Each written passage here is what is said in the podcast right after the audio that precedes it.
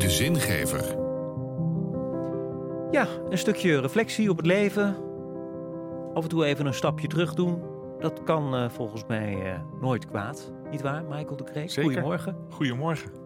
In ons drukke bestaan. Ja, maar je zegt het heel mooi. Soms is het heel goed om even een soort helikopterview te hebben. Van hé, hey, wat doen we nu eigenlijk? En waarom doen we de dingen zoals we ze doen? Ja. Ja. Ehm, ja, ik ben erg benieuwd eh, naar, naar je overdenking vandaag. Oké.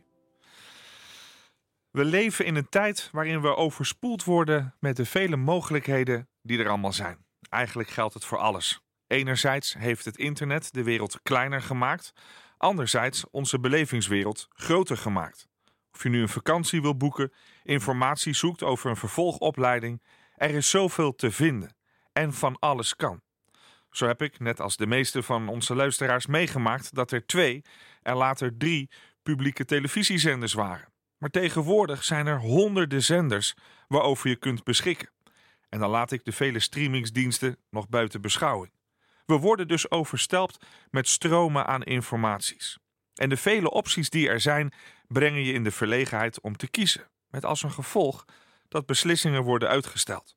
En dat alles bij elkaar noemen we keuzestress. Maar klopt dat wel? Zou je niet veel beter kunnen spreken over een wilstress? Wordt het leven geleid door de keuzes? Of wordt je leven geleid door wat je wil, je gevoel, je intuïtie? Al in het begin van de Bijbel lezen we over de keuze tussen goed en kwaad bij Adam en Eva. De mens wordt als het ware bij het begin van zijn bestaan op aarde geleerd te onderzoeken wat goed is of niet. En de focus ligt daarin niet op de keuze aan zich, maar op wat het teweeg brengt in je denken en doen. En je onderbuikgevoel speelt daarin een rol. Het gaat dus om wat je wel wil of wat je niet wil.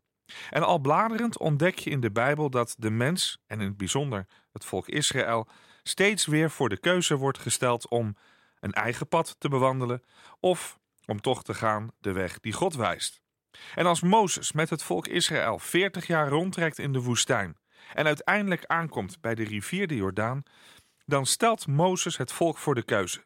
Kies je voor het leven? Kies je voor je toekomst? Kies je om God lief te hebben?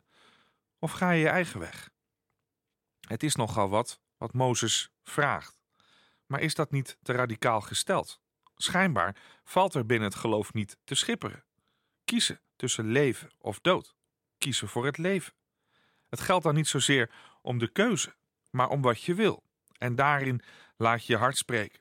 Dat vinden we terug ook in het onderwijs van Jezus, die dat heel praktisch maakte door allerlei aanwijzingen te geven over hoe je om kunt gaan met de medemens, met geld en welvaart en hebzucht. En het gaat daarin steeds om je hart. Wat wil je wel, wat wil je niet?